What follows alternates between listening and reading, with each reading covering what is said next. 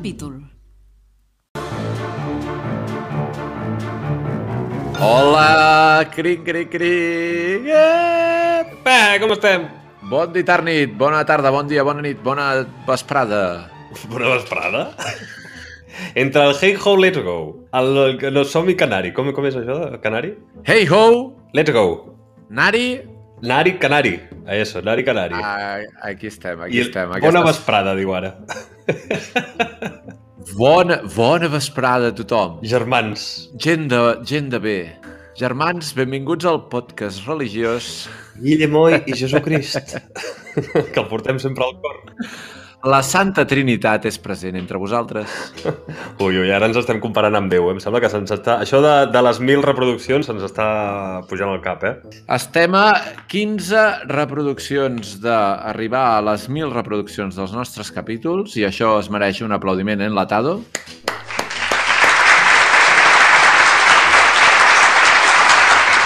I eh, ens agradaria molt explicar-vos que tenim oients nous de... Quin... D'on era això, Guille? Alemanya, que poder són cosins meus, I... i de Nova Jersey. Sí, era de Nova Jersey. Sí, Crec. M'ho has dit fa, fa dos minuts. Fa dos minuts m'has dit que eren de Nova Ah, Jersey. sí, sí, sí. Clar, és que jo he dit New Jersey i ara no, no pensava en la... Ah, vale, sí, sí. Perdó, eh? Perdó per catalanitzar... Això s'ha de fer, eh? Catalanitzar els noms? O què? Bueno, és com la gent que diu eh, que quan li dius que vius a Gerona eh, s'enfaden i diuen que aquí és Girona. Doncs pues és el mateix. Suposo que els de New Jersey, si li dius no, Nova Jersey, et diran això és New Jersey, New, Jer New Jersey. Saps què em passa a mi amb el nom de les coses? Que jo li dic sempre el nom que tenien abans. Jo, per exemple, jo encara faig servir Iugoslàvia. Sí, sí, però vull dir, a aquest nivell, eh? O, o eh, Sri Lanka, sempre li dic Ceilan. I la, i la URSS, la, la URSS és la URSS? No, la URSS és Rússia. La URSS per mi és Rússia. Però tot, però tot és Rússia. Per mi, no, no, la URSS, no, la URSS són, cadascú té el seu nom, cada país té el seu nom. Ja ho tens separat. Ja Sí. ho tens separat. Sí, sí, perquè quan ho vaig estudiar ja eren països diferents. Però no sé què em passa amb Iugoslàvia, que quan ho devia estudiar pues, era Iugoslàvia i m'he quedat amb això. I Txecoslovàquia, també dic de vegades. Són dos països, no, ara? Sí. I em passa també amb Myanmar, que li dic uh, Myanmar-Birmània.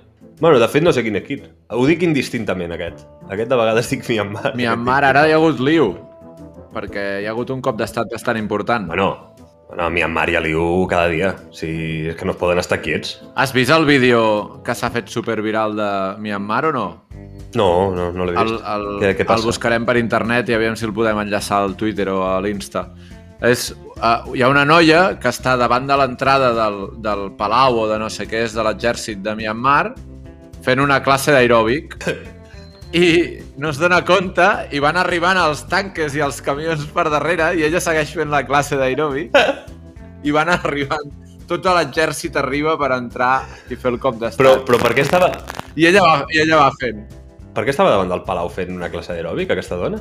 Devia buscar una localització així xula i es veu la noia allà fent tots els exercicis i, i així va. És, és birmana, la noia, o és una guiri que està allà fent el canelo? No, no, és d'allà, és d'allà. És d'allà perquè a més porta uns pantalons curts i a sota porta unes malles perquè no deu poder ensenyar gaire cama, suposo. No sé si és per això. A mi no em van, Però- deixar, a mi no em van deixar entrar. Tinc una anècdota amb Birmània, que no em van deixar entrar a Birmània. Vaig arribar a la frontera i em van dir, no, no, no pots passar tu. Què et sembla? Per què? Bueno, primer, a veure, eh, t'estic parlant de fa uns anys, quan jo vaig estar per allà, per Àsia, havies de donar exactament, o sigui, un programa exacte d'on estaries cada dia, què faries, tota la mandanga, perquè si no ja no et deixaven entrar. Però a més a més, jo tenia una targeta que m'acreditava com a periodista, que era una targeta falsa, que me la vaig fer a Tailàndia, però així no pagava els llocs. I a Birmània doncs, els periodistes no estan gaire ben vistos, en aquell moment almenys. I bueno, doncs van veure allò i van dir automàticament que no, que podia sortir de la cua, que allà no fotia res. Però bueno, mira, no vaig pagar cap museu després aquí, eh? Durant dos anys o tres, que tenia encara la llicència de la meva acreditació falsa de premsa, vaig entrar a tot arreu, al Museu del Barça, a la Casa Miró, a la Casa Batlló, allà a Port Lligat... No pagava el lloc. Ja fa dos o tres programes de ràdio que sento així a vegades que diuen que el, el ser col·legiat de periodisme tu pagues i ho ets. I no et miren ni si ets periodista. Oh, sí. És una cosa molt estranya. Oi. Sí, és algo molt raro. Ho he d'investigar, això, perquè ho he sentit dos o tres vegades. T'he passat pel xat que tenim el, la noia birmana, eh? A veure... Una mujer, estic llegint ara el titular, eh? Una mujer da una clase de aeróbic con los militares del golpe de estado de Myanmar, Myanmar, vale, es diu Myanmar, no Birmania, detrás de ella. Vaya huevos. Pots veure 10 segons i ja et donaràs compte del nivell. Espera, que haig de, haig de, haig de configurar les cookies. Què passa amb les cookies últimament? Estan boges, tio. Que no, rechazar todo.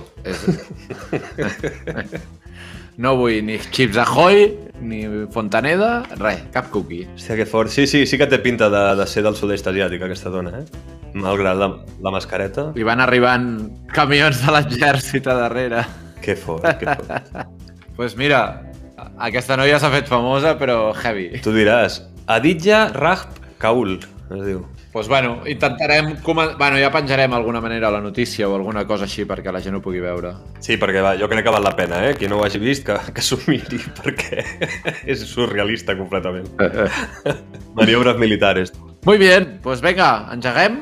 Hem dit que era el capítol 15, 16? 16. Sí? Doncs pues va, capítol 16. No sé si ho hem dit, però capítol 16, a 15 de les 1.000 reproduccions.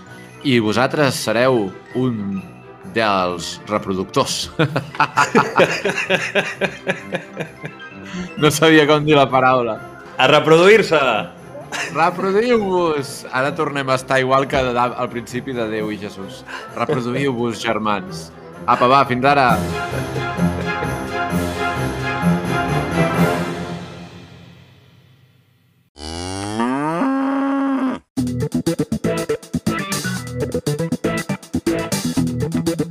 Bueno, va, doncs som-hi. Anem a per al tema d'en Guille. Ah, bueno, Guille, no sé. Què? Ja haurà, ja haurà sonat el teu, la teva intro nova o la deixem per la setmana que ve i l'estrenem amb les 1.000 reproduccions? Hòstia, no sé, perquè em fa il·lusió, eh? Però clar, les mil reproduccions potser és un moment més important. Va, va, farem intro música normal i la següent ja li fotem. Que tinc banda, tinc banda sonora, anava a dir, sí. Com, com les pel·lícules. És la primera vegada que... Bueno, això és una anècdota que explicarem al final. Al final expliquem tot això. Va, comencem amb el tema d'en Guille. Uh, Guille, avui què ens has portat? pues avui he portat una espècie de top, per variar, com sempre faig. No, però estava pensant, estava pensant que fa un moment no, que estàvem dient això de que hi ha coses que canvia el nom i jo li continuo dient com abans, com a Iugoslàvia i Txecoslovàquia i tot això. Però d'altra banda, hi han coses que s'han deixat de dir, o, o entre tots, no? Hem deixat de dir. Uh, no sé si t'has adonat, això tindrà sentit d'aquí uns segons, eh? Tranquils. no sé si t'has adonat que ara la gent quan diu una adreça web ja no diu www. T'has fixat? O 3 W. No, ja no ho diuen perquè no cal. Però abans tampoc calia, i la gent ho deia. Totes les webs han- començaven amb 3 W. Però jo no sé si abans, si no posava les 3 W, no No, funcionava. abans, abans, Tinc el meu havies de dubte. posar https dos punts barra barra www. Clar, abans ho havies de posar tot. Però, vull dir, es donava per entès. Ningú deia https dos punts barra barra www. punt. Saps què vull dir? Però les W sí que es deien. Sí. Que W, per cert, la gent deia 3 W, a veure, o és plural o és singular. O 3 Bs dobles o 3 W, no? Bueno, Vale. m'emprenya molt aquests temes de llenguatge. No, va, a veure, l'adjectiu és doble, no? Si són 3, dobles està bé, però són 3 Bs, no són 3 B. Vale, Guille, pues sí. és que, vull dir, és una cosa tan poc important a la vida. Vull dir, he passat una setmana amb, a Olot amb els 8.500 cribatges, amb, amb una crisi sanitària, i ara em vens que si 3 W o 3 W. Oi, no tindríem podcast. Des de quan parlem de coses transcendents aquí? Tot el que parlem són xorrades. Home, déu nhi No, no, jo crec que parlem de coses molt, molt importants a la vida. Ah, bueno, vale, vale, vale. Pues, per mi, no, la veritat és que aquestes coses petitetes són les que em fan grinyolar el cap. Les coses importants de la vida, com que no les, tinc, no les puc controlar, doncs la veritat és que no m'afecten gaire. Però aquestes cosetes m'agrinyolen, eh? Eh? Bueno, bueno, jo et venia a parlar avui precisament d'internet, no? Parlant de les W. I porto una cosa que és un xic diferent. Avui la meva secció consisteix en que jo dic una anècdota o una curiositat sobre internet i després la valorem de l'1 al 10. Vale. La, la valoració és absolutament subjectiva. Eh? No ha de respondre a res. Vale. No, bueno, a lo que et surti a tu dels nassos. I diràs, per què? Doncs perquè així és com funciona internet, o com funciona la gent a internet. Cadascú diu el que li sembla i punto pelota. Després vaig apuntant les notes i al final decidirem entre tu i jo quina és l'anècdota més important d'aquestes... No sé si porto 8, 10, 10 anècdotes que porto. Molt bé, doncs va, eh, comencem amb aquestes anècdotes. Molt bé, tenim aquí la dada número 1. Cada dia es hackegen 300.000 llocs d'internet. Però què he de dir, de l'1 al 10? Sí, lo, què et sembla aquesta, aquesta anècdota, aquesta dada? Què et sembla? Quina puntuació li poses? Segons el teu criteri absolutament subjectiu. Uh, 7? En Moi li posa un 7. Jo, jo crec que un 5. Per mi aquesta anècdota és un 5, només. Vale, uh, dada... Serà així, eh, tot el rato. Dada número 2. A Xina hi ha campaments de rehabilitació a on es tracta els addictes a internet. És que ja ho sabia. Si ja ho sabia, Ah, ja, no sé si rebaixa o no rebaixa, però... 3, llavors, clar. tu li poses un 3. Però li, pos... A mi em sembla molt... li poso un 3 perquè no és novetat. Bueno, no és novetat per tu, vols dir, perquè tu ja ho sabies. Clar, i com que li he posat una nota subjectiva, no, m'has dit? Exactament. És que és, ho has entès perfectament com funciona això. Pues Molt bé. bé, Moi. És un 3. En canvi, l'altre eren els hackers aquests, de webs hackejades, que també ho sé, però li poso un 7 perquè pues, decideixo jo. Exacte. Exacte. És, ho, ho has entès perfectament. És l'esperit de- d'internet traslladat a tot podcast. Jo aquesta dada de que a Xina hi ha campaments de rehabilitació, a mi, bueno, a mi em sorprèn una mica. Li, poso, li posaré un, un 6. Li posaré un 6, va. Uh, si vols fer algun comentari sobre la notícia en si, com això de que ja ho havia sentit, també està bé, eh? Així omplim una mica, perquè si no és molt pim-pam, això. Vale, vale. És com passar notes, no? És passar notes al col·le. Uh, molt bé, tercera dada. Dada número 3. L'any 2015, l'App Store va caure durant 24 hores, causant unes pèrdues a Apple de 29 milions de dòlars. Sabent de la, meu, de la meva estimació cap a Apple Store i Apple en general, me la d'allò tot Apple. Vull dir que és, per mi és un 0 o un 1. No sé si puc posar 0. No, és de l'1 al 10. Doncs pues és un 1 perquè m'importa molt poc Apple. Però pensa que la notícia és que van perdre 29 milions de dòlars. Si et cauen malament, és una bona notícia. Ja, però és que no, o sigui, els obvio de la meva vida. Vale. M'és igual. Vale. És una notícia que m'és igual. 1. Jo li poso un 2, perquè també la veritat és que també, també m'és exactament igual. El tema és que, a, a mi el que em crida l'atenció d'aquest- d'aquesta dada és que l'any 2015 estem parlant, eh? Uh, l'App Store generés 29 milions de dòlars al dia amb aplicacions de pagament. En aquella època el WhatsApp per Apple era de, per iPhone era de pagament, no? Suposo. Podria ser, podria ser. Que es pagués aquell euro. Sí, sí, és que hi havia moltes aplicacions que per uh, Android eren gratuïtes, però després per als iPhones eren de, de pagament. Molt bé, doncs aquesta notícia em dóna la sensació que aquesta serà la pitjor de totes, eh? La pitjor puntuada. Uh, dada número 4. Cada minut es pugen... Aquesta és bona, eh? Ja t'estic condicionant. Ara la teva nota serà alta. Però si has dit, serà la pitjor. No, no, he dit l'anterior, la de l'Apple, aquesta que, Ah, vale, que vale. li hem posat un 1 i un 2, aquesta serà molt dolenta. La que ve ara jo crec que serà molt bona. Cada minut es pugen 500 hores de vídeo a YouTube. Necessitaríem 82 anys veient vídeos sense parar per poder veure el contingut que s'ha pujat avui. Sí, sí, la, la valoro bé. La valoro bé. És interessant perquè aquestes coses eh, no, no ets conscient mai, no? Avui no sé què... Si me'n ve el cap parlaré eh, d'alguna cosa que m'ha passat amb els nens també, que hem parlat avui al col·le i que també han dit, uala, en sèrio? Ara no recordo què era, però... Sí, és un, és un 8, això, és un 8. Li poso un 8, jo li poso un 9. Aquesta és molt interessant. Pensar això, eh? 82 anys seguits veient vídeos sense dormir ni res, eh? 82 anys per veure el que s'ha pujat avui a internet, a YouTube, concretament. Uah, és increïble. Molt bé, uh, dada número 5. Està, la secció està anant molt bé, trobo. Penso jo. Penso que la secció està anant molt bé. A dada número 5. Sort que no li hem posat música amb aquesta. El 81% dels mails que s'envien cada dia són spam. És que és així.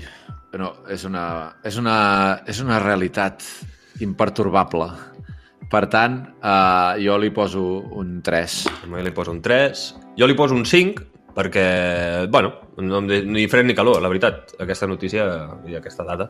Per cert, la paraula spam, saps, d'on surt? Abans, eh, documentant-me per això, ho, he trobat. No, Ve d'unes llaunes de carn envasada que enviaven a, per correu als americans, als, als, als seus fills o als seus familiars que estaven a la guerra, a la Segona Guerra Mundial, li enviaven aquestes llaunes. Llavors, spam són una espècie d'acrònim que vol dir Shoulder of Pork and Ham, que és espatlla de porc i pernil. I bueno, doncs es veu que no els hi devia fer gaire il·lusió rebre aquest, aquest correu al, als soldats perquè ha quedat com a, per això, no? Spam. Ha quedat com a sinònim de correu no desitjat. No ho sé, potser era que si rebies això és que estaves al borde de la muerte o algo. No sé per què. Sí, bueno, correu d'un producte, no sé, no sé per què aquest sim, no sé com s'ha traspassat aquest spam a, a l'spam que coneixem avui dia. Uh, dada número 6. Aquesta és divertida, que trobo. La verificació dels captxes, que són aquestes coses que, que serveixen per demostrar que no ets un robot, les fa, les fa una màquina. Llavors... no hi ha un senyor a l'altre costat dient sí, sí, està marcant bé els semàfors. No, no, això ho fa una màquina. Llavors, un robot et t'està, no t'està resolent el captcha, però t'està dient si tu l'estàs resolent bé. Per tant, queda una mica... Això del CapChat, per si algú encara no sap què és, és allò de... Uh, señala los cuadraditos donde hay autobuses, o donde hay semáforos, o donde hay puentes. I després et diu, no eres un robot. Doncs pues això, com diu en Guille, ho decideix un robot. Això també era d'esperar, però és divertida. Per tant, li posem un 8 per, per humorística. Tu li poses un 8, jo li poso un 8 també. Sí, aquí, aquí coincidim. És, em, sembla, em sembla de bona aquesta. Dada número 7. Uh, el producte més venut per internet a Espanya l'any 2020 Mira, aquesta la farem una mica diferent, uh, diferent. Què creus que ha sigut el producte més venut per internet? a Espanya 2020. El Satisfyer. entre la... Entre la... Lo de quedar-se tancat i tot el lío, segur. No, bueno, no. No, ja, ja m'ho suposo que no. Però tenia la seva gràcia. Imagina't que dius, bon sí? Sí, sí, sí. Home, no sé, ah, si, el còmput general no, perquè clar, el Satisfyer al gener de l'any passat poder ni se sabia què era, no? Sí que és veritat que hi va haver una setmana o dos o tres dies que segur que va ser el producte més venut, eh? Com a mínim més buscat. No, el producte més venut aquest any ha sigut, evidentment, les mascaretes i el gel, el gel desinfectante aquest, no? Que és obvi. I ho segueixen els videojocs, que, bueno, sobretot de PlayStation, també de Xbox i tal. Aquesta era la dada número 7. Dos. Pues un 2, jo li poso un 1, perquè l'he buscat jo, però no, m'interessa zero, aquesta, aquesta notícia. Uh, de fet, ha sigut la més difícil de trobar, perquè costa molt trobar una llista de... Si tu poses a Google productos más vendidos en Espanya internet, has de rebuscar molt per trobar dades que més o menys semblen oficials i tal. I total, per acabar dient una obvietat, que ha sigut les mascaretes. Vull dir, molta feina, molt de rato perdut aquell, buscant aquesta dada. Vale, dada número 8. L'any 2010, Internet va ser nomenat com a candidat al Premi Nobel de la Pau. És que els Premis Nobel de la Pau, si tu mires una mica, hi ha gent que, que ha sigut un perill per la població mundial. El, els Premis Nobel de la Pau, n'hi ha alguns Premis Nobel que, o els que anaven a ser candidats a Premis Nobel, que diries, bueno, i aquí han comprat, perquè podien haver matat algú. Per tant, eh, que internet sigui el Premi Nobel de la Pau, no sé què dir-te. M'importa molt poc. Tres. Però un 3, a mi no, a mi aquesta notícia m'agrada molt, que li donin un premi a internet. A més, a qui li donen? Saps què vull? Qui va recollir el premi en nom d'internet? En Walter... Espera, eh, que ho intento, ho intento dir. En Walter Wisby Wolfenstein, Wolfenstein? que són, són les tres W. És el nom del senyor que ho va... I quan es va morir, és que clar, és que no ho sabeu tot. A veure, us explico la història de les tres W. A veure, a veure, a veure, a veure, a veure. Walter... Wi... Què he dit? Walter White... Ah, no, aquest és el de, el de Breaking Bad, no? Walter Wilfrid Wolfenstein, Aquest, sí. vale? Walter Wilfrid Wolf Wolfenstein. T'ho preguntaré al final del podcast, eh, com es deia el senyor, a veure si... Pues, No, no t'ho apuntis, no t'ho apuntis.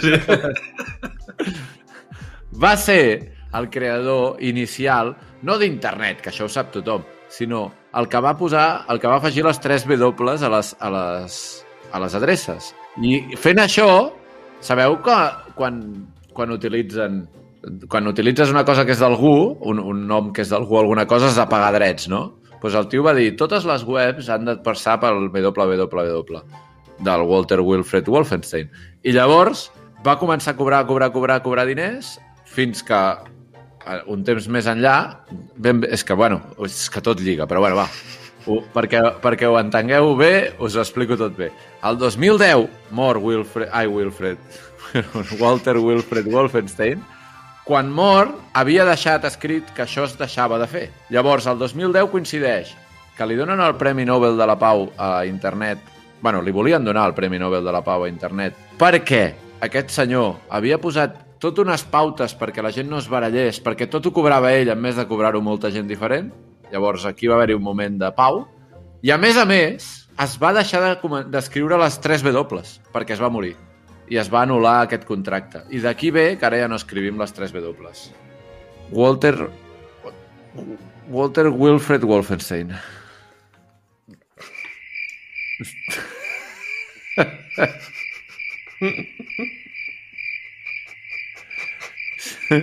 Si voleu, un dia l'entrevistarem.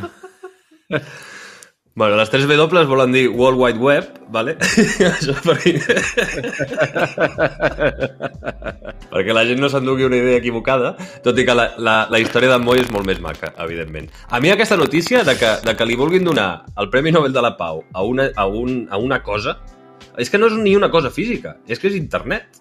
Has vist, eh, hi ha una sèrie que ens agrada molt amb l'Aixa, que últimament estem veient, que és Los Informáticos, l'estem veient per cinquena vegada. L'has vista tu, Moi? He vist tres o quatre capítols, però fa molt de temps. Pues li, Era un humor així bastant divertit, no? Sí, un humor d'aquests així rebuscau. Sí, sí, era una sèrie, és una sèrie britànica, llavors té aquest punt de- d'humor anglès, no?, que li diuen, i a més a més és una mica friki, perquè, bueno, va d'informàtics i això. El cas és que en un capítol a la jefa li, li donen... La jefa no té ni punyetera idea d'informàtica, i li donen... Però mira, és jefa d'allà, i li donen una caixa amb, un, amb una llumeta i li diuen que allò és internet, perquè ho vagi a presentar i per, perquè se'n fotin d'ella, no? Perquè quan presenti allò com a internet tothom se'n rigui. Però bueno, la gent que està allà és encara més tonta, es pensen que allò és internet i tothom flipa, no? I al·lucina amb la presentació. Però allò era un objecte físic, encara li podries portar allà a l'estadi i posar-li una medallita. Però, bueno, total, a mi la notícia aquesta m'agrada i jo li poso un 9 perquè jo al·lucino amb que li volguessin donar eh, el Premi Nobel a internet. I qui va presentar la candidatura? Molt bé. A més, bueno, en fi. Si vols t'ho dic, però és que està claríssim. En, a veure, a veure, a veure si, a veure si han, pas, han passat dos minuts. A veure si te'n recordes. Walter Wilfred Wolfenstein. Merda, és que se'n recordarà el tio, ja veuràs. Després, ahir va veure Oblivion i avui ja s'ha oblidat. Sí. De fet, Però el Wilfred aquest l'acompanyarà tota la vida. ahir vaig començar a mirar una pel·li que, i la vaig mirar i vaig dir jo crec que això ja, ho he, la, ja l'he vista. I, I em vaig recordar, eh? I la vaig parar de veure. Vaig trigar dos minuts a, a veure-ho. Quina, quina pel·li era? Yesterday, al, al Prime Video. És, és una cançó relacionada amb els... Ai, una cançó, una pel·li relacionada amb els Beatles, amb música dels Beatles i tal. És bastant xula. Però no sé, de, vull dir, no recordo res de la pel·li, només sé que l'he vista.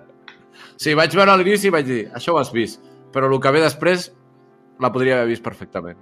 Però bueno, la vida és així. Va, dale! Quants ens queden? Quants ens queden, tio? Uh, dues, dues i ja està. Ah, Anem per la 9. Vale. Dada número 9. A Islàndia, el 100% de la població té accés a internet. És que són molt llestos. 10. Tu li dones un 10?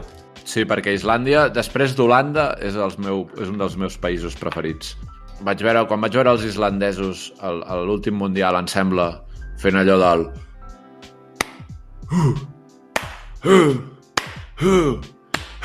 I que anaven aplaudint i tal, i vaig pensar, tio, sou un poble tan poderós, tan poderós, teniu una illa per vosaltres sols i, i pff, volcans allà, sou uns professionals, tio. I saps que tenen una carretera, so... només tenen una carretera que fa la volta així a la illa i punto, i ja està, no necessiten res més. No necessiten res més. Són uns professionals. Un 10.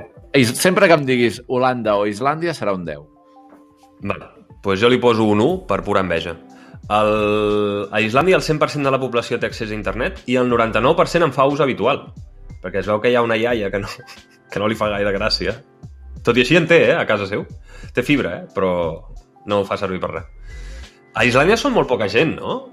Sí, però un moment, eh? Deixa'm mirar una cosa, si us plau. Ah, per cert, vaig veure l'altre dia al Netflix hi ha un, document, un documental, no, un monòleg d'un xaval que és islandès, que no me'n recordo com es diu. Però és molt divertit, és molt divertit perquè fa molta crítica de, sobre, el, sobre el seu país i sobre els països nòrdics i tal. Està, està molt, bueno, no sé, molt ben parit. Uh, tot, el tema, tot el tema aquest, si us agrada, és, està molt bé, us recomano. Molt divertit el monòleg. A veure, he de dir una cosa, eh? un moment. He de dir, Islendingar hlusta a podcastik okar. Que vol dir, islandesos, escolteu el nostre podcast. Amb islandès. Ho deixo aquí perquè jo vull... O sigui, abans de que acabem la temporada, ha de sortir allà, Islàndia, 0,1. Hem de tenir un oient islandès. Aviam si, parlant amb islandès en algun moment, algú, algú escolta. Perquè, com que posem els mariachis al final, van començar a escoltar-nos a Mèxic. Doncs potser... Saps? però, La però com expliques lo del rus, per exemple? No sé si hem parlat d'alguna... Segur que la paraula Rússia ha sortit en algun dels, dels 15 primers En el, podcasts. en, crec segur. que en el primer que vam fer jo vaig parlar de les estàtues aquelles que robaven del carrer i, i hi havia una conspiració de que eren uns russos i tal i es va pronunciar rus en algun moment. Pues avui hem parlat de Iugoslàvia, a veure, ens escoltaran ara del passat. No, no perquè, no, clar, perquè no existeix. Ens sortirà allà en el, en el com es diu, les estadístiques. Imagina't que surt, que ens contesta pel podcast allà per l'Instagram, ens contesta la noia que feia aeròbic de Myanmar. Molaria molt. Hello! Seria, seria boníssim. Uh, L'hem l'hem d'etiquetar. Sí, sí. L'hem d'etiquetar d'alguna manera. Vinga, va. Molt bé, l'última dada, la número 10, abans de fer el recompte final, és eh, que cada segon es creen 12 virus informàtics nous. No, veus que no he deixat la millor dada pel final, eh? A més, aquesta dada, de fet, no sé si creure-me-la, perquè sona verosímil, però clar, l'he tret de, de la web de Kaspersky, que és l'empresa aquesta d'antivirus. Llavors, clar, a ells els interessa dir que cada segon es creen 12 virus informàtics. Pues mira, com que la teva no és la millor dada, com has dit, faig com el pòquer, no? Doncs pues te'n tiro una de, de relacionada amb això.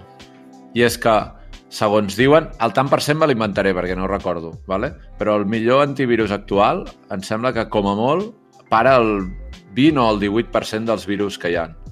Per tant, tenir un antivirus ara mateix és... Jo el tinc, eh? Però estic pagant per pagar. Ah, de pagament.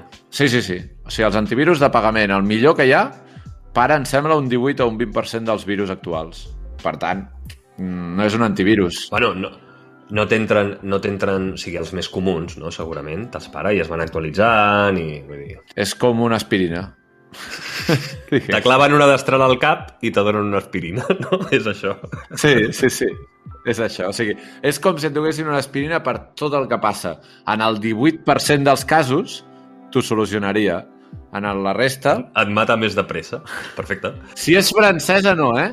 A casa meva, la meva mare, sempre que anàvem a Andorra, comprava aspirines franceses perquè no tenen... Em sembla que no tenen l'àcido acetil salicílico aquell, que llavors dius, pues llavors no és una aspirina.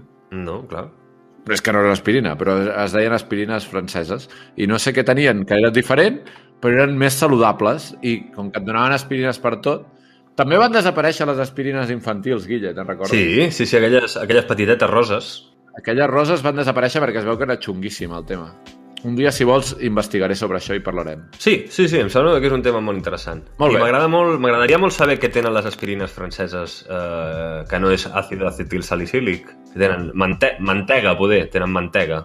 Croissants. M'apunto el tema de les aspirines i si en cas la setmana que ve, que vindrà la, la nostra amigueta, eh? Ah, cierto. doncs Bueno, és la Marina, eh? Ara estem fent aquí molt de... Però bueno, ja sabeu qui és. la Marina, que és una cantant ja quasi professional, uh, aviam si ens deixa posar un tros de la cançó o alguna la setmana que ve, doncs, uh, bueno, que la Marina, que és biòloga, segur que sap alguna sobre àcidos acetil salicílicos i aquestes coses. Vols puntuar aquesta última notícia, aquesta última dada que he donat? Lo dels 12 virus cada segon? 8. Jo et dic, eh? Jo, tu li poses un 8, jo li poso un 2. No m'interessa gens. Molt bé, doncs el recompte oficial... Això és el recompte oficial de lo que m'ha interessat el que m'has dit, no? Això és el recompte oficial del que eh, són, perquè no del que nosaltres creiem que no, no, perquè a internet no es parla així. A internet les coses es diuen com a veritats absolutes. Aquesta dada que traurem ara és la millor dada sobre internet que es pot aconseguir eh, en el món. Sobre 100. I sobre 100 què? Home, hi havia 10 coses a 10, no? Sobre 100. Que la, la puntuació que sortia sobre 100. Eh, sí, Sí. La, la puntuació sobre 100. Anava a fer una mitjana i ja està, eh? I després un Ah, escalfó. vale. Total, eh, la primera, la, la millor dada, la millor dada que des de eh, Guilla i Moi Podcast us podem dir que és ja assegurar la mà al foc, és que cada minut es pugen 500 hores de vídeo a YouTube.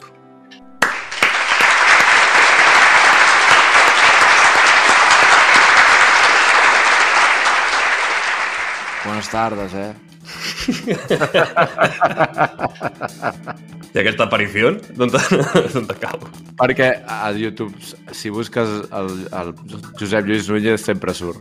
Molt bé, si, si a vosaltres, audiència, bueno, voleu donar-nos també alguna dada sobre internet o opinar sobre aquestes que hem dit, quina és la que més us ha sorprès, quina és la que ja sabíeu, pues, us poseu en contacte amb nosaltres per els canals habituals i apa, una altra cosa.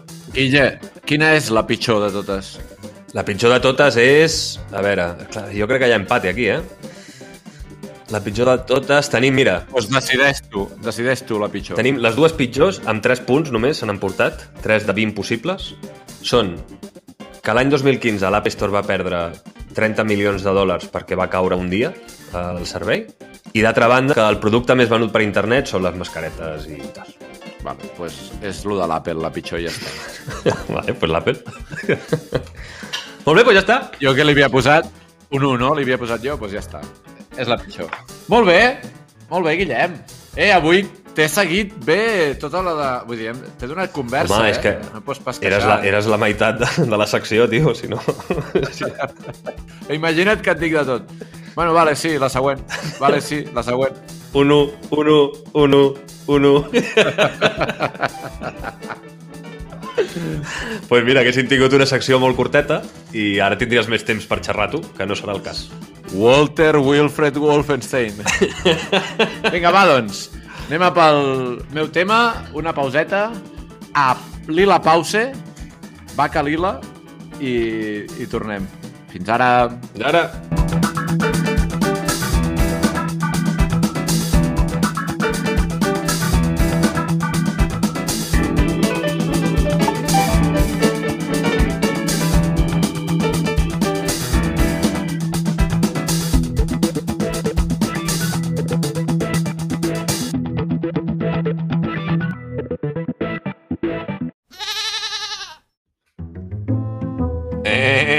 Jo no sé fer la cabra. Eh, a veure, prova. Bé, Eh, bé, bé. Uh, Moi, què ens portes avui? Doncs avui me'n vaig cap al teu terreny, cap al terreny de oriental. Ah, pensava que faries un top. No, no, no, prou de tops avui. I avui us vull parlar d'una cosa que ha sortit avui a, a, la, a la classe. Estàvem treballant el text poètic i, bueno, he volgut canviar una mica, no?, les coses, perquè sempre, al final, és fes una poesia de la teva família, fes una poesia no sé què. I avui els he introduït un tema que a mi m'agrada molt, que són els haikus japonesos. Oh, els haikus. Els haikus japonesos, que per qui no ho sàpiga, són unes poesies, vale? uns poemes, que són molt breus, molt breus, no? I avui us vull explicar una mica quatre coses d'aquests haikus i us en llegiré alguns. Els llegiré en castellà, perquè els tinc en castellà, però, bueno, espero que d'aquí surtin idees. Jo avui he tingut hasta la idea inicial de, de generar un Instagram que es digui haikus i, bueno, segur que existeix, però haikus, haikus holandesos, jo que sé, algo així. escrits en català. Haikus holandesos escrits en català. Haikus sobre Holanda, sobre els tulipans. Els tulipans m'agraden, són de colors. El molí roda. bueno, doncs pues explico una mica, va. Dels haikus, eh, el principal és que s'escriuen eh, tres versos, vale? només són tres versos, no tenen per què rimar, de fet la majoria no rimen amb res, i acostumen a ser de 5, 7 i 5 síl·labes. Aquestes 5, 7 i 5 síl·labes donen un total de 17 síl·labes. El que passa és que al Japó no tenen síl·labes, al Japó va diferent. Al Japó tenen mores, i no són mores de, de menjar, vale? es diuen així. No sé si es diuen mor mores, mores, no ho sé. Però es diuen mores, escrit mores. És una mica més curt, petit que la síl·laba a nivell fonètic, no? Però bueno, 17 mores vindrien a ser unes 14 o 15 síl·labes, però ho hem, ho hem igualat a l'Occident, per dir-ho així, i li hem ficat aquestes, li hem posat aquestes 17 síl·labes perquè sigui igual, no? 5, 7, 5. Això no fa que totes les coses que escriguis que tinguin 5, 7 i 5 síl·labes siguin un haiku, no? Han de tenir una mica més de, de, de característiques, no? I això és el que ara explicarem. Us en llegeixo un, perquè, perquè mira, a partir d'aquí després seguirem treballant. A cada vegada que expliquem alguna cosa, doncs en llegirem. Perfecte. Fràgil i vella, Volando de flor en flor, la mariposa. Oh. Molt bé. Diu que, segons la, la tradició, aquests haikus han d'incloure un kigo, vale? i un kigo ha de ser una paraula, una expressió, alguna cosa que porti a entendre a quina època de l'any es refereix al poema. En aquest que, que acabem de llegir ara, per exemple, doncs se sobreentén que estem parlant de la primavera, perquè ja hi ha papallones, hi ha flors, Sí. vale? llavors aquí és on entraria pues, aquest tema. No? Llavors, si tu parles de nevades, vol dir que t'estàs parla estàs parlant de l'hivern, vale? Uh -huh. o bueno, totes aquestes coses doncs ajuden, no? Llavors, doncs aquests haikus han de portar sempre a darrere una, un, aquest kigo, que es diu, amb K, kigo, Con K de Kigo. Va con K de Kigo. con cada, con cada kigo. Un altre, un altre exemple, ¿vale? Suena el agua, una ola en el mar. Es ya verano.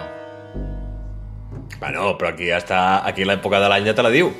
No se sobreentén. Sí, també pot ser No, així. pot, no té per què ser sutil. T'ho pot dir directament. No, verano. no, no. Ja està. també t'hi pot Vale. dir. Vale? Llavors, el Kigo no és obligatori, però els clàssics eh, haikus ho porten tots, no? Llavors, s'entén que si vols fer una cosa molt purista, doncs has de posar aquest Kigo, no? bueno, una mica la idea és aquesta. Tercera cosa important per, per parlar, que sempre mostren escenes de natura o de vida quotidiana. Sí. Vale? Llavors, doncs, aquestes escenes de vida quotidiana o de natura doncs, són importants que, que apareguin en el, en el haiku perquè s'entengui i perquè sigui un haiku realment, no? Poden ser coses d'animals, de plantes, de paisatges, fenòmens meteorològics, coses de la vida quotidiana, pobles, ciutats, camins... Per exemple, us en poso un altre sobre, sobre la taula que potser no té tant de, de la part aquesta que parlàvem de, de saber quina època és, tot i que es pot sobreentendre alguna cosa. Diu... Se pone el sol, pájaros en el cielo, cae la noche. Jo, jo diria que és tardor. A mi m'inspira tardor. No sé per què. Uh, si es pon el sol, uh, ocells al cel, aquí hauríem d'entendre sistema al Japó, que si hi ha ocells en una època en què, en què cau la nit, potser és una època en què estan migrant... Bueno, aquí hauríem d'anar a buscar el, el rerefons no, d'aquest haiku, però bueno, una mica la idea és aquesta, no? que es mostrin idees de la, de la natura. N'hi ha algunes, i aquí entrem amb en, que en Guille participarà una mica, Sí. doncs n'hi ha algunes que, que també s'utilitzen com per fer endivinalles, no?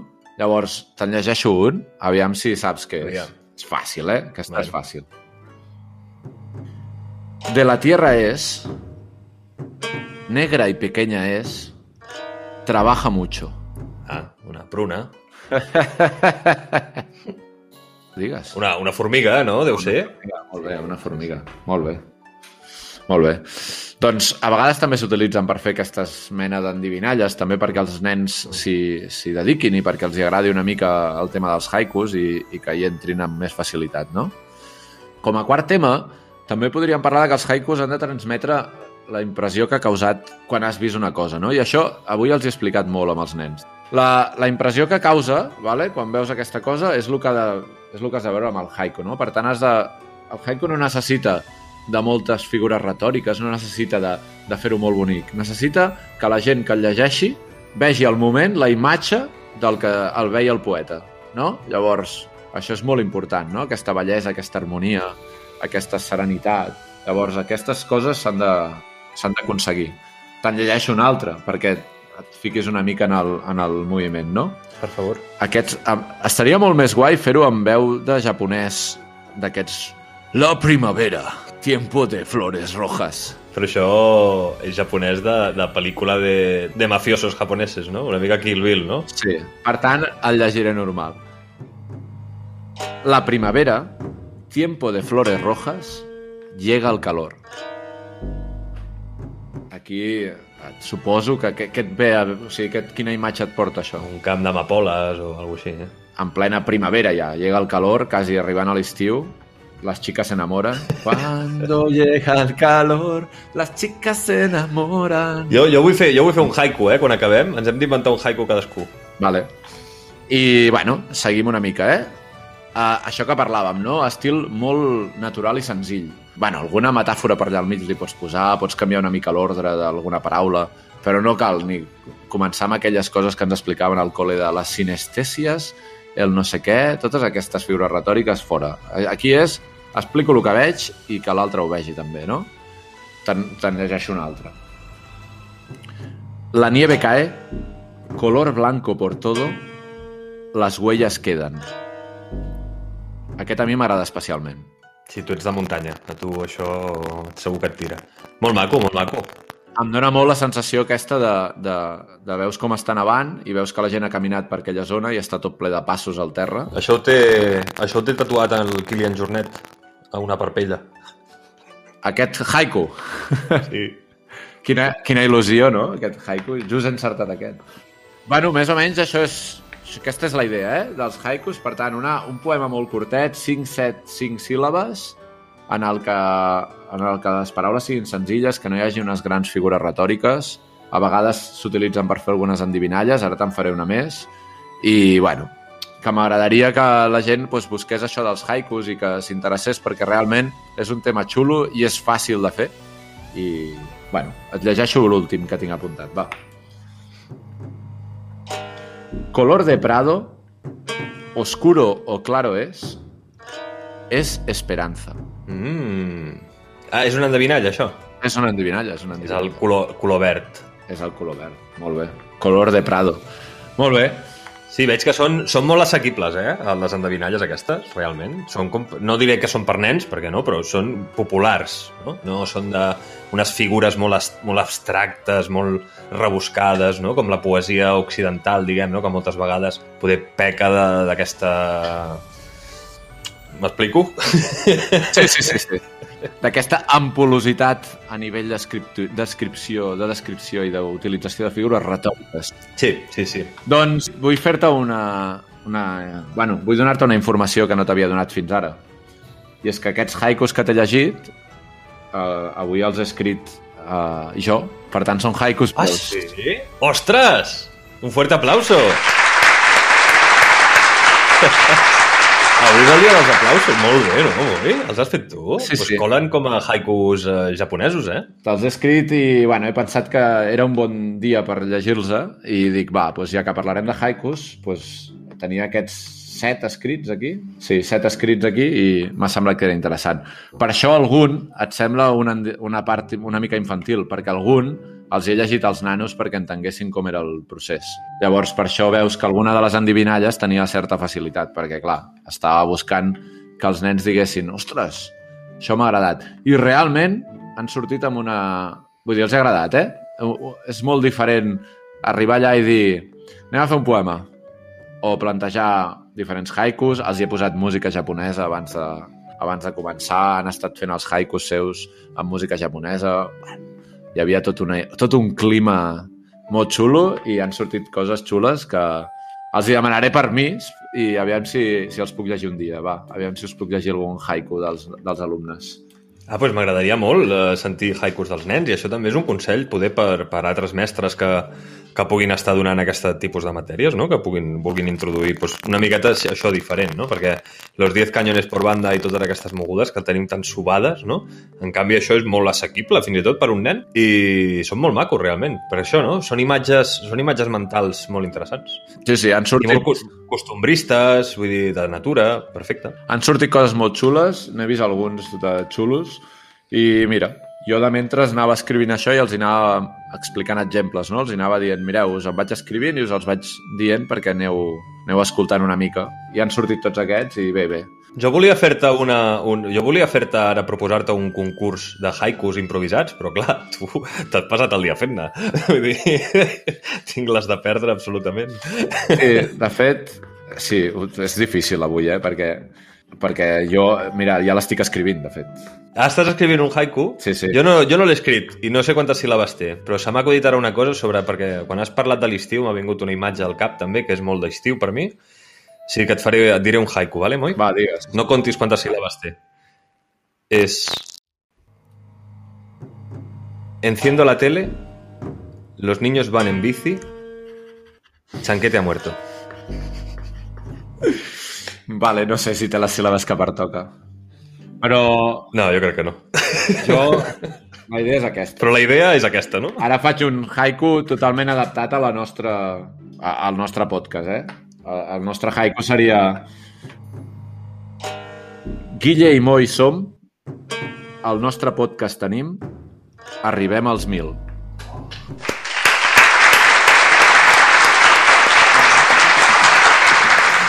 Cremat l'efecte d'aplausos, eh, avui. pues aquí tenim el haiku d'avui de Guille i Moi. Eh, Preciós, preciós. Preciosa, preciosa secció, Moi. Avui t'ho has currat moltíssim, tio. Bueno, sempre, sempre més o menys t'ho curres, però avui preciós. Escrivint poesia i tot pel, pel podcast. Esperem, Estupend. esperem que aquest haiku sigui un haiku que, que realment ens porti a, a, les mil reproduccions, no? Només ens en falten 15 Sí, sí, sí, això està fet, ja. Això està fet. i ens, ens farà una il·lusió de muerte. També em sembla, ara no, no t'ho diria de memòria, però diria que vam arribar a un nombre bastant quadrat de, de seguidors d'Instagram. Ara potser m'ho estic inventant, eh? Però aviam, anem a mirar-ho. Mira, avui se'ns han afegit 6 seguidors nous. No, és veritat. No, no, és que estàvem a punt. Estem a 97 seguidors. Bueno, audiència, si no ens seguiu a l'Instagram, tres persones, volu- tres voluntaris, per quadrar el número, que siguin 100. I serem 100 a l'Instagram, Uh, a Twitter continuem, jo crec que s'han borrat 3, o sigui que devem estar ara mateix amb, amb 5 seguidors, però bueno, no, no, vull dir, no ens hi entossudirem amb això. I 1.000 uh, seguidors, 1.000 uh, audiències, com es diu? 1.000 escoltes del podcast. Sí, sí. Si aconseguim, si aconseguim la setmana que ve arribar a 1.000 escoltes de podcast i 100 seguidors d'Instagram, la cosa serà brutal. Haurem de fer, haurem de preparar alguna molt especial per la, pel següent podcast, doncs. Per cert, Guille, sobre l'Instagram, l'altre dia en el nostre grup de WhatsApp privat que tenim els quatre que treballem en aquest... Bueno, treballem, que produïm, Que fem això? que produïm aquest podcast, us vaig dir, que em va fer molta gràcia, que tenim una nova seguidora que es diu Sofia Escobar. No sé si ho vas veure. Sí, ho vaig veure, però no sé, no sé qui és. La Sofia, la Sofia Escobar, Sofia, Sofia Escobar, que té perfil verificat d'Instagram, quan tens perfil verificat d'Instagram és que ets una personalitat important. Ah, I és l'única que tenim en perfil verificat de tota la gent que ens escolta. I vaig flipar, vaig dir, hòstia, qui serà la, la, la Sofia Escobar? I vaig entrar i és jutge del Got Talent de Portugal. O sigui, és la Risto Mejide vale? de Portugal, per dir-ho així, no? Uala, i vaig flipar, no? Vull dir, per què ens segueix... O sigui, és tan sorprenent, la vida és tan sorprenent. Té 61.300 seguidors i segueix només a 6.500 persones. I un som nosaltres. O sigui, és, és impressionant. Aquest món a mi se, se m'escapa. I potser és perquè un dia vam dir Portugal. és que no hi ha més. Si fos per això, ja agafem el, el mapa mundi, tu, i comencem. A veure si així tenim oients de tot el planeta. Estaria molt bé. La veritat és que... Sí, sí. Sí, sí, a veure, jo, jo entenc que la majoria d'aquesta gent que ens escolta des d'arreu del món, una salutació molt especial per tots ells, bueno, i pels d'aquí també, què cony, uh, jo crec que són uh, catalans immigrats d'alguna manera. M'a- M'estranyaria que la senyora aquesta jutge, jutgessa de talentos portuguesos, eh, eh, eh, escolti, que parli català i, i li hagi agradat el podcast. Però clar, quin, motiu, quin altre motiu tindria per eh, seguir-nos a l'Instagram? Sí. Aviam, uh, no ho sé. L'altre dia jo jugava un joc per internet amb un portuguès i em va dir he viscut a Barcelona molts anys, parlo català i t'entenc perfectament. Clar, o Andorra. Ostres. Poder, sona, poder ha viscut a Andorra la jutgessa aquesta molt de temps i sí. ha après català i d'aquí li ve. I ara escolta podcast en català. Pues, es- pues, uh, com es diu? Has dit? Eh, Sofia? Sofia Escobar. Sofia Escobar, si ens estàs escoltant, pues, moltíssimes gràcies també per seguir-nos, per apoyar-nos a les xarxes i molta sort amb els talentos portuguesos. Ara, eh, com ho deuen fer ara, els programes aquests de talents? Ho fan, ho fan. Passa és que tenen el públic així dividit. Només hi ha 10 persones de públic. Vull dir, està molt reduït. Però bueno, però ho fan. Et volia comentar que l'última seguidora que hem tingut d'Instagram també és una personalitat. És que tenim... jo no entenc què va. Lorena Alonso de Lera. Em sona Lorena Alonso. No sé... Què és? Depor deportista. Jugadora professional de pàdel. Patrocinada per Loto, Estrella d'Am, Domino's Pizza i té 12.200 seguidors. Segueix a 3.000 i un som nosaltres. A que amb ella li patrocinen tres coses i a nosaltres cap, eh? Els termòmetres Paco han deixat de pagar-nos perquè ens fotem amb ells. Sí, eh, haurem de buscar un. A partir, bueno, la setmana que ve que haurem fet mil reproduccions, estic segur que arriben anuncis nous. Arriba banda sonora Guille, arriben anuncis nous, tot això es posa al dia. Però bueno, que això, que la gent ens va seguint, tu, i estic molt content. Sí, sí, i tant, i tant. També, també ens segueix la Maria, la Maria, ai, la Maria Mercè. Sí, bueno, es diu Mercè. La Mercè, que és una habitant del càmping La Cerdanya, que és molt amiga meva i també ens segueix. I ja que parlo de la Lorena Alonso, doncs també parlo de la Mercè, tu. Molt bé. Com es diu la gent que habita càmpings? Els habita de que no hi vol passar, vols dir? O... No, habita de que hi viu. Són campistes. Ja, ja, era broma. El nostre grup, el nostre grup de WhatsApp del càmping es diu Campistes del càmping. Una, una redundància, segurament. Sí, sí, sí, sí. Només amb campistes ja se suposava que a algun lloc acampaven. Però bueno, està bé, campistes del càmping.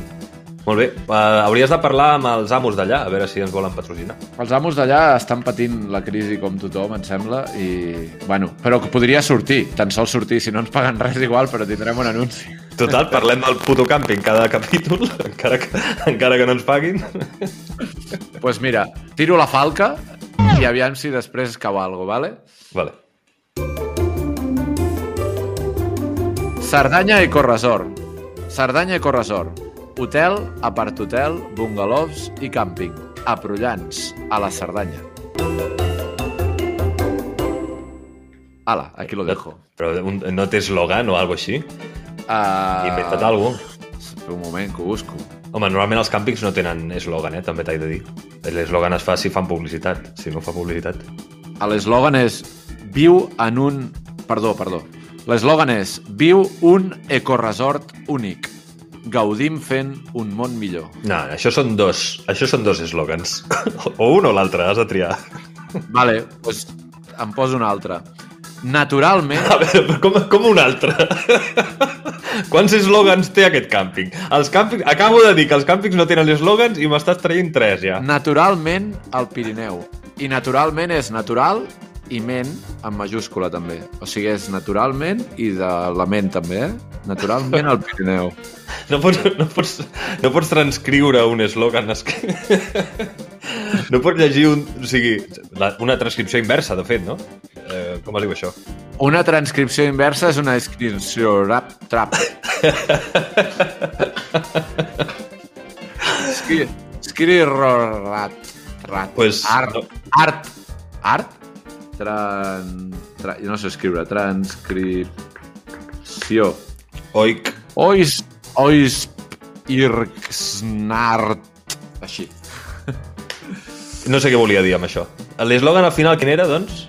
L'eslògan és... Naturalment al Pirineu. Naturalment al Pirineu. És, és molt bon eslògan, eh? És, és de veritat o te l'has inventat? No, no, no, surt, surt a la pàgina web. Surt com un eslògan així bastant marcat sol, no? Amb, amb lletres majúscules, no? M'agrada, m'agrada aquest eslògan.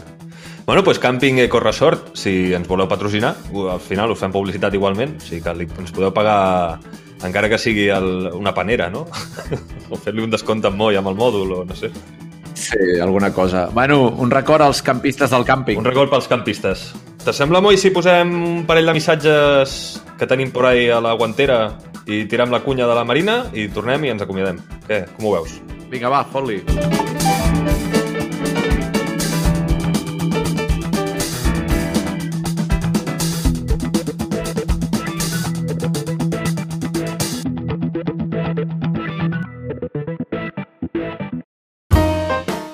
Alguna cosa a dir? Vols fer-nos companyia?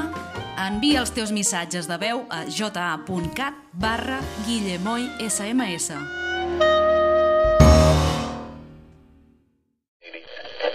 Va, nois, que avui és dilluns, demà és dimarts, el millor dia de la setmana perquè hi ha programa el millor dia de la setmana. Per què? Per què? Perquè hi ha el gran podcast de Guille i en Moi de tots els dimarts a les 8 i depèn quin, quin programa van dir, depèn quina hora però el millor programa va, va nois, que és dimarts, que estic nerviós, va som-hi dimarts Hola, me llamo Inés y me gusta mucho vuestro programa que hacéis todas las los martes por la tarde, Guille y Omay. Un beso muy grande, seguir así. Escucha todos los martes el podcast de Guille y Moy. Te partirás de la risa. M'encanta.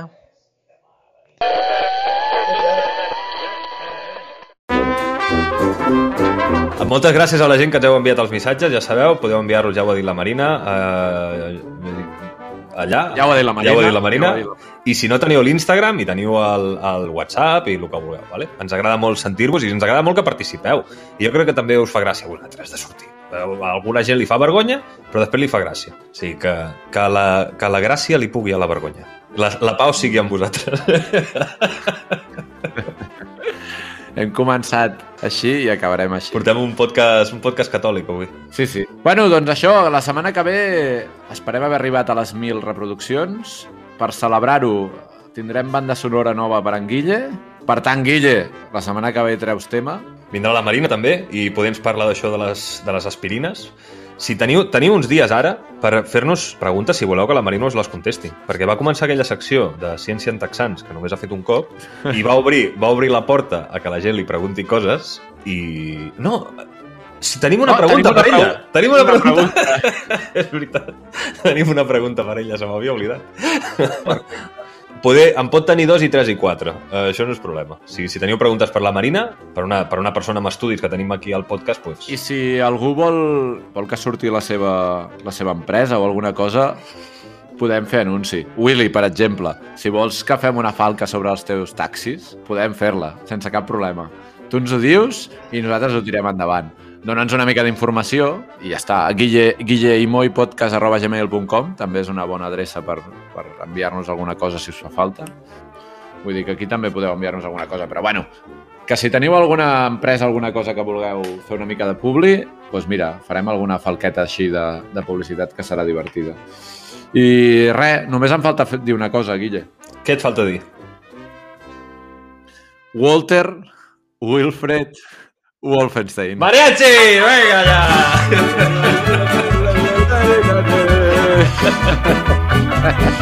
Adeu! Adéu!